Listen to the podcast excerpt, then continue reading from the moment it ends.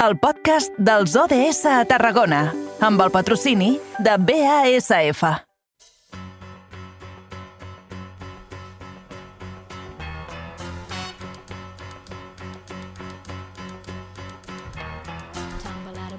Stumble to the kitchen. Pour myself a cup of ambition and yawn and stretch and try to come to life. Jump in the shower and the blood starts pumping. Out on the streets, the traffic starts jumping with folks like me on the job from 9 to 5. Working 9 to 5. Passen 7 minutets del punt de les 6 de la tarda, hora idònia, hora perfecta per aturar-nos als estudis de BXC Ràdio. Allí tenim el nostre company Miquel Llevaria. Miquel, bona tarda, bon dimecres. Bon dimecres a tothom. Comencem a recórrer aquest eh, camí al futur, el 2030. Agafem l'agenda de les Nacions Unides. És un dels puntals d'aquesta temporada des que vam començar el passat mes de setembre i que ens acompanyarà fins a mitjan mes de juliol eh, pel cap baix. Agafem avui el número 8, el que diu treball decent i creixement econòmic. Eh, tu diràs com encararem aquesta qüestió al llarg dels propers minuts. Exacte, perquè el que farem serà agafar la primera part, treball decent. Ens centrem en aquesta part perquè hem de parlar de que algunes persones, al final, per certs condicionants personals, doncs, tenen majors dificultats per trobar feina i també per adaptar-se al món laboral. I és que avui parlarem en concret d'un grup que són aquells amb síndrome d'Asperger, perquè l'associació Aspercam, amb el suport de l'Ajuntament de Tarragona i el Port de Tarragona, porta a terme el projecte Emplea't, que busca ajudar en la contractació d'aquestes persones. I per a conèixer una mica més els detalls i també quines són les dificultats que es troben no, aquestes persones amb Asperger a l'hora d'endinsar-se en el món laboral tenim amb nosaltres a una persona que ja va passar per aquesta secció ja farà més de dos mesos, que és la directora de l'associació Aspercam, Laura Letxa. Molt bona tarda i gràcies per ser aquí. Molt bona tarda, gràcies per convidar-me un altre cop. Per començar, eh, el projecte Emplea't, com funciona i exactament una persona que estigui interessada per afegir-se o que ho necessiti, què ha de fer? Bueno, nosaltres ja a les nostres xarxes socials fa principis d'any ja vam publicitar el que era el projecte i vam estar explicant que per a participar-hi pues, podien contactar directament amb l'associació. Vale? L'únic condicionant és tenir la condició Asperger. D'acord? Llavors, bueno, mm, el projecte sobretot el que vol és ajudar i acompanyar en la inserció laboral de les persones amb aquesta condició. Uh -huh, eh, I ara m'ho estaves comentant fora de micròfons, que és un projecte que té eh, diverses fases i que ens trobaríem ara mateix en la segona fase. Una miqueta eh, en què consisteixen cadascuna d'aquestes fases. Mira, la primera seria la recerca dels candidats, que era el moment de que tots els candidats volien afegir-se amb aquest projecte d'empleat. D'acord? Actualment estem amb una trentena d'usuaris i de persones que, que aposten per aquest projecte, per a trobar una ocupació, i amb aquesta segona fase, que és la que estem acabant ara, estem fent tota una acció de, de formacions per millorar les seves habilitats i empleabilitat. No? Va des de ensenyar-los com actuar en una entrevista de feina, com si ac aconsegueixen al lloc de treball pues, saber de quina manera s'ha de tractar pues, el cap, els companys, com demanar ajuda, no? una sèrie d'estratègies que tot i que no tenen discapacitat intel·lectual, per amb ells els és molt complicat per les seves característiques.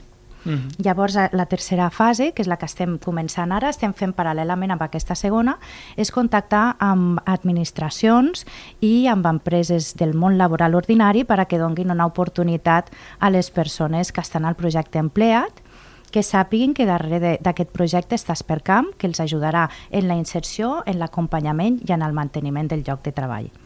Mm. I ja per últim pues, seria que un cop inserits al món laboral pues, nosaltres sempre estaríem pendents de forma sempre gratuïta, gràcies a les subvencions que has comentat, en tot el procés laboral, per si de cas pues, l'adaptació o si hi ha algun punt en concret que, que s'hauria d'intentar millorar o adaptar més.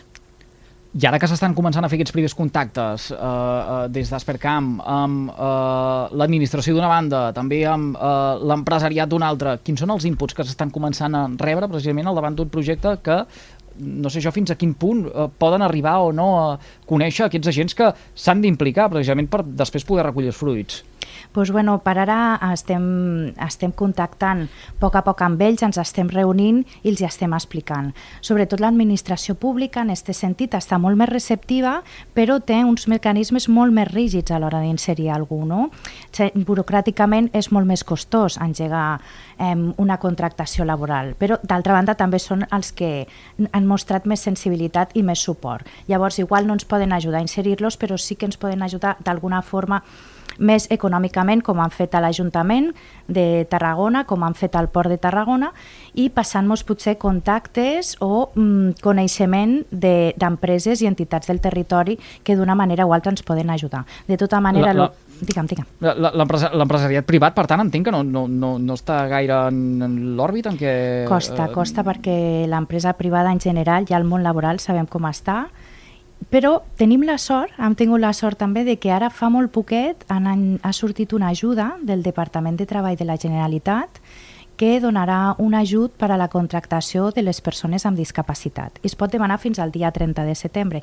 Llavors pensem que totes aquelles persones que vulguin apostar pel projecte empleat, això també els ajudarà no? a, a, a mm-hmm. decidir-se, veure que darrere de la contractació sempre hi ha el suport d'Espercam, en concret moltes vegades inclús el psicòleg de l'usuari que pot ser que contractin i a més a més si hi ha un ajut econòmic, doncs, bueno, creiem que això ens hem enterat fa molt poquet i creiem que això pot ajudar més a que l'empresa privada doncs, bueno, ens, ens brindi l'oportunitat d'inserir alguns dels nostres joves de vegades és impressionant, eh? Uh, uh, ens queixem de que falta mà d'obra, que no hi ha prou uh, uh, gent per treballar o per fer un, desenvolupar unes tasques, ho estem explicant ara aquests últims 15 dies, en què ens estem estirant dels cabells perquè estem ja uh, en l'època turística, però, però després a, a l'hora de, de, de contractar també ens ho mirem tot amb, vaja, amb, amb molta delicadesa, eh? De, ui, no, segons qui no es pot contractar...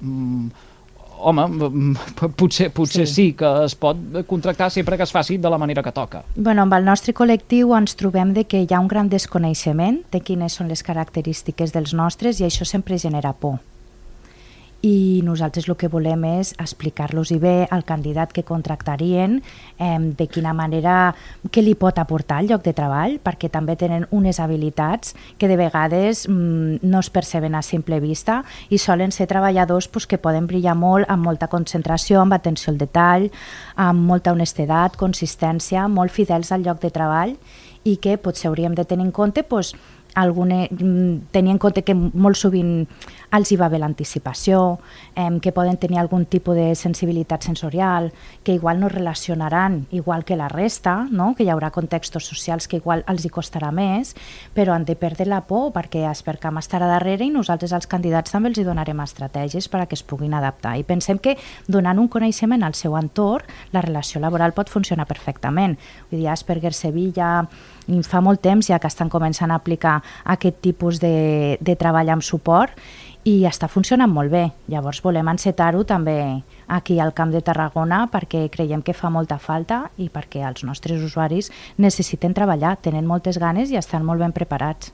Uh -huh. Una miqueta, abans comentaves que estava ara mateix en aquesta segona fase en la qual eh, esteu com fent una feina pedagògica no? per ensenyar-los, per ajudar-los a que afrontin certes situacions del món laboral d'una millor manera, però a la vegada, també per el que comentes, al final també se tindria que fer una feina pedagògica eh, cap a les empreses, no? cap als empresaris, per dir-los, escolteu, que tindran un síndrome d'Asperger i tot el que tu vulguis, però són persones i són persones que perfectament poden treballar, no?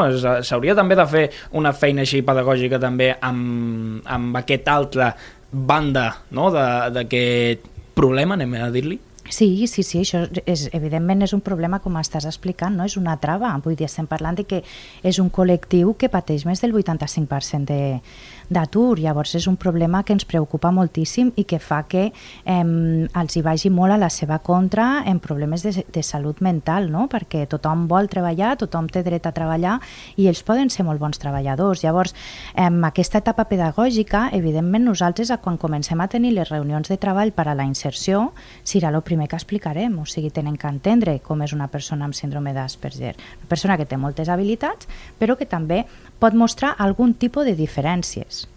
No? Llavors, estan dins d'un aspecte de l'autisme, la paraula autisme també fa molta por, això és més que res doncs, perquè un catàleg nord-americà de, de psiquiatria va decidir posar-ho dins d'aquest espectre, però tenim que perdre la por, són persones molt vàlides per fer moltes feines estar, i estar al món laboral ordinari. Llavors, anem a explicar-los el que és i que puguin beneficiar-se mútuament els candidats i també l'empresa, que és l'objectiu. Uh -huh. I una miqueta també, abans de que s'acabi el nostre temps que tenim, a mi ens agradaria conèixer al final quines són les dificultats que es troba una persona amb Asperger quan s'endinsa dins del món laboral, quan està buscant feina, perquè, per exemple, en l'últim episodi del podcast que esteu portant a terme, el cinquè episodi del podcast Una manera diferent de ver el mundo, es nombraven diverses habilitats no que veuen com alterades, algunes d'elles com organització de materials, planificació, adaptació, entre d'altres.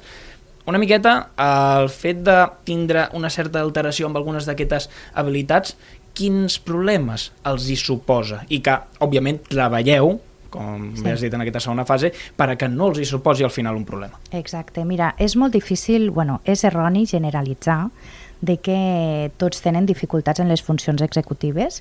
Sí que una gran majoria, però una persona per estar dins de l'aspecte de l'autisme té que tenir dificultats sociocomunicatives, interessos restringits i un percentatge molt alt té aquestes disfuncions executives i hipersensibilitat sensorial. Llavors, tot això en cada persona afecta de diferent manera e intensitat. L'empleat, sobretot, el que, lo que ha volgut dur a terme, el que pretén, és que cada persona eh, tinguem, marquem un perfil per cada persona i veiem quin és el seu lloc més adequat, d'acord? Llavors n'hi haurà algunes que potser sí, que necessitaran més anticipació, unes altres que ens haurem de, haurem de vigilar que al lloc de treball potser no hi hagi una llum molt intensa o que no estigui en un lloc amb el qual hi hagi molt so. Cada persona és única, tots no tenen hipersensibilitat sensorial, tots no tenen hipersensibilitat visual, d'acord? I tots no tenen les funcions executives alterades. Llavors, en cada perfil haurem de veure quin pot ser el seu lloc de treball més adequat i buscar la recerca pel seu lloc. Eh, les traves per accedir, això seria un cop estan al lloc de treball, les traves per accedir, bueno, ja sabem que el món laboral eh, és, actualment és bastant difícil accedir-hi per tothom, i els nostres no saben vendre's bé, per dir-ho d'alguna manera, són molt literals, llavors depèn del que els hi preguntes, si no ho troben bé, seran molt sincers, i això ja faran que es descarti ja a la primera entrevista, al primer filtre, no? I si a més a més són sincers i diuen que tenen un percentatge de discapacitat o que tenen TEA, doncs això ja espantarà moltes vegades a l'empresa que igual no està preparada a trobar aquest tipus de candidat. Llavors, aquestes serien, per exemple, les traves més comuns que ens podem trobar, no? Mhm. -huh i també comentaves abans el fet de que les institucions, encara que tenen eh, sistemes més farragosos no, per la contractació de gent i que això ho complica, a la vegada són també els que es mostren, sembla ser, més sensibles i intenten ajudar-vos, per exemple, la Port de Tarragona i Ajuntament de Tarragona ajuden en aquest projecte i també del Departament d'Empresa i Treball de la Generalitat de Catalunya ha tret aquesta ajuda, no?, d'un total, si no m'equivoco, d'un mig milió d'euros per la contractació de persones vulnerables, que també s'inclouria la gent amb Asperger, al final són ajudes, però és suficient? Eh, hi hauria alguna altra cosa que haurien de fer? Potser ja no tan sols a nivell d'ajudes econòmiques, potser alguna altra mena d'ajuda? Què és el que li demanaríeu ara mateix a les institucions i administracions? Bueno, les institucions us hi demanaríem moltes coses, però si ens centréssim sobretot al Departament de Treball i Empresa ja a nivell nacional, eh, a part de fer campanyes de sensibilitat i ajuts, com per exemple, sabeu que totes les empreses a partir de cada 50 treballadors han de tenir contractada una persona amb discapacitat reconeguda, no? la LISMI, famosa. Què passa? Sí. També tenen les alternatives de comprar materials en empreses o en centres de treball. No? Tenen altres alternatives per no complir-la. En aquest sentit, nosaltres demanaríem mmm, demanar més responsabilitat en què es compleixi realment en inserir en persones amb el, amb el reconeixement de discapacitat, perdre la por, fer més campanyes informatives. També ens trobem inclús de que l'administració pública, a quan llança, com es diu, les, les mm, ara no em sortirà, lo de treure's les oposicions, mm -hmm. ara no em surt el nom, disculpeu, Bé, Em un, sé- concurs, un concurs públic Sí, eh, exacte. que Concurs- hi hagi... eh, Sí, oposicions, no? Quan llancen Mhm, una sí, vacant sí, sí, i, sí. i has de complir unes oposicions, quan ho fan per discapacitat, ho fan per di discapacitat intel·lectual reconeguda o física. Nosaltres no estem ni a la discapacitat física ni a la discapacitat intel·lectual, per tant els nostres no poden accedir tampoc. No? Estem una, per això mateix la nostra associació també està reclamant una mica la discapacitat social, perquè vulguis que no, és una realitat que està patint el nostre col·lectiu i fa que ens costa molt que ens reconeguin el 33% de discapacitat, però d'altra banda animem a la gent a que ho gestioni per a que li obri una mica portes amb algun tipus d'ajut. No? Però clar, mm, ens trobem de que estem molt invisibilitzats i molt desatesos i això ens afecta pues, a nivell d'ensenyament, en totes les etapes vitals i en el món laboral també. Els, mm, tenim un petit col·lectiu no, que sí que te, ha, tin- ha estat de sort i ha pogut entrar al món laboral i una de les coses que també demanaríem és una jubilació anticipada perquè és veritat que per estar al món laboral ordinari ells quasi sempre porten el que nosaltres anomenem el masking, no? que és estar fingint eh, per estar adaptat a les normes socials, no? de, que per nosaltres són molt intuïtives i surten pues, de manera innata, però per ells les gestionen de forma intel·lectual. Llavors per ells és esgotador. I arriba un punt ja que quan arriben cap als 50 anys o així que ja se'ls fa com a molt costa amunt seguir treballant i això els afecta molt a nivell de salut. Llavors ens estem trobant cada cop més adults a l'associació i amb els nostres companys de la Federació d'Asperger Catalunya també ho parlem, de que molts, a quan s'apropa ja la cinquantena i així, porten molts anys treballant, molts anys fingint, els hi costa molt seguir treballant i una de les coses que també demanaríem és la jubilació anticipada. Déu-n'hi-do, la dels eh, greuges que eh, eh, poden arribar a patir, en aquest cas, doncs, les persones que eh, mm, tenen Asperger eh, precisament quan no es fan bé les coses o quan no es fan tan bé com, com, com s'haurien de, de fer. En tot cas, ens trobem ara ja en aquesta fase de, en aquesta fase 3 que dèiem, o intercalant fase 2 amb, amb fase 3, que, la, la mirada posada en l'horitzó per poder assolir l'objectiu del eh, projecte empleat, on ens situa en el calendari? Pues ara mateix mm, estem amb, amb aquesta fase 3 a tope, o sigui, buscant, acabant les formacions i buscant la inserció. Si de cara a juliol, perquè ja ho tenim aquí al, al cantó, no? Eh, en- ens costa la inserció, una de les idees és també pues, que tinguin un hàbit que vinguin seguint-los acompanyant en la recerca i de mentre, de forma paral·lela, seguint les nostres reunions. No? Ara en tenim aviat una planificada en la Cambra de Comerç, una altra amb la Diputació, al Port de Tarragona també, i adentrar-nos més amb l'empresa privada. No? Fa poc vam estar a aquesta fira d'ocupació també, els sí. vam estar informant del nostre projecte, van haver algunes que estaven receptives, però bueno, ens cau l'estiu pel mig i anem a veure, anem a veure les receptives que es poden mostrar i almenys que una o dos perdin la por i, i ho provin. Evidentment a l'Espercamp contractarem una persona, segurament també hi ha una associació que es diu Crea Comú que també ho farà, per ara ja tenim dos possibles candidats. També coneix el nostre projecte la Fundació La 11, ADECO, que també tenen un apartat no?, per a inserir persones amb discapacitat i bueno, veure si entre tots em, creant sinergies van coneixent el nostre projecte perquè ells ja mm. són em, entitats amb les quals la gent ja mm, les, les mm, identifica més com a llocs on poden trobar persones amb discapacitat. Llavors nosaltres el valor afegit que estem donant és que a Espercam estem darrere, estem darrere amb la inserció, estem darrere amb l'adaptació, estem darrere amb el seguiment. Llavors que perdin la por, que confin amb nosaltres perquè intentarem i vetllarem per a que la relació laboral vagi el millor possible. Tota l'ajuda que es pugui oferir des de la posició de les emissores de la xarxa al Camp de Tarragona, des d'aquest projecte que és eh, carrer Major, que no hi hagi cap dubte que, que hi serà, encara que sigui únicament per parlar-ne, per ser-ne conscients eh, i per eh, difondre aquestes bones iniciatives. Laura Reig, eh, directora de l'associació Espercamp, gràcies un cop més per compartir amb nosaltres aquests minutets. Us agraïm moltíssim perquè ja veieu que ens fa molta falta. Encantats de que ens hagueu convidat i que ens doneu veu amb aquest projecte. Gràcies.